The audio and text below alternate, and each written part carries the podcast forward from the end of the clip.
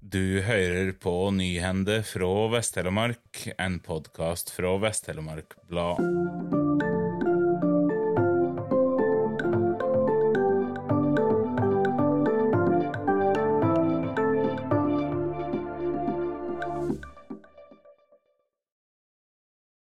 Fastlegeordninga gir innbyggerne høve til å velge fastlege på tvers av kommunegrensene.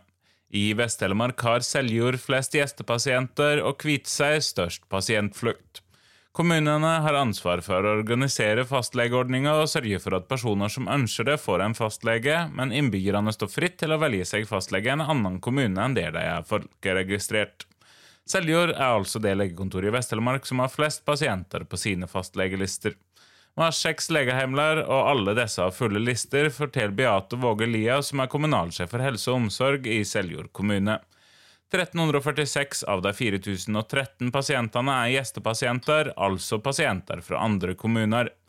Våge Lia tror det er stabilitet over mange år som er årsaka til at legekontoret i Seljord trekker til seg pasienter fra andre kommuner. Flere av de ansatte har vært der over lengre tid. Firestølene er det mest trufaste mot legekontoret sitt. Der er det bare 141 personer som har fastlege utenfor kommunegrensene. Kommunalsjef for helse og omsorg, Mona Landsverk, fortalte til VTB tidligere i høst at det hadde kommet til 100 nye pasienter på listene til de lokale legene etter de fikk på plass fastleger i Nordsjøturnus. I Kviteseid er det 2449 innbyggere. 1047 av dem har fastlege i en annen kommune. Kviteseid kommune har over lengre tid slitt med å rekruttere leger til det lokale kontoret, som i utgangspunktet skal ha tre fastleger og én LIS-1-lege.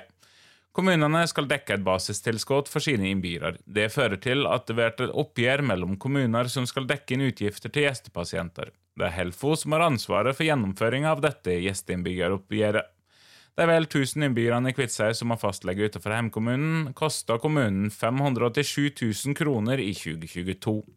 De fleste av de som har fastlege utenfor kommunen, reiser til nabokommunen Seljord på jakt etter fastlege. Ifølge gjesteinnbyggeroppgjøret måtte Kviteseid i 2022 betale nesten en halv million kroner til Seljord for gjestepasienter i kommunen.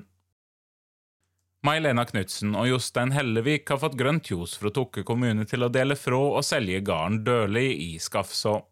De to søkte om å dele fra hele teigen der hovedbølet ligger, og beholde de to andre skogs- og utmarksteigene som opphavlig hørte til Dørli, i tillegg til Lyngstad, som de kjøpte i 2020. Bakgrunnen for kjøpet var at det trang mer areal og overnattingsmuligheter i samband med Dalen villmarkssenter, som de drifter, der viltfotografer fra inn- og utland kan ta villmarksbilde. Eh, Hellevik er jo kjent for serien Fotobonden på NRK. Nå ønsker de to sjølve å bo på Lyngstad og selge Dørli. I saka til Landbruk, miljø og teknisk utvalg i Tokke kommer det fram at de vil selge til en familie med barn som i flere år har vært på utkikk etter et småbruk i Tokke. Ved å dele fra heimteigen Dørli vil driftsgrunnlaget på eiendommen bli svekka, skriver kommunens saksansammer, og peker på at dette taler mot frådeling. Lyngstad og Dørli ligger også kort avstand fra hverandre, noe som gjør kostnadseffektiv drift. Også dette taler mot frådeling. Men omsynet til bosettinga i Skafså veg tyngst, konkluderer både kommunedirektør og et samla landbruk, miljø og teknisk utvalg som hadde saka på bordet sitt 5. oktober. Det blir vist til at om lag 60% av innbyggerne i området er over 50 år, og at det ellers bærer preg av synkende innbyggertall og låg jordbruksaktivitet. Etter delinga vil Dørli være en landbrukseiendom på 662 dekar med dyrka mark, driftsbygninger, skog og beite. Det vil derfor være høve for ny eier til å holde noen husdyr, skriver kommunens saksansammer. Et sal vil utløse konsesjonsplikt og buplikt for ny eier. Kommunen setter som krav at Dørli blir solgt til noen som ønsker å bo der. Det er også et vilkår om at buplikta på Lyngstad blir oppfylt. Tusen takk for at du hørte på.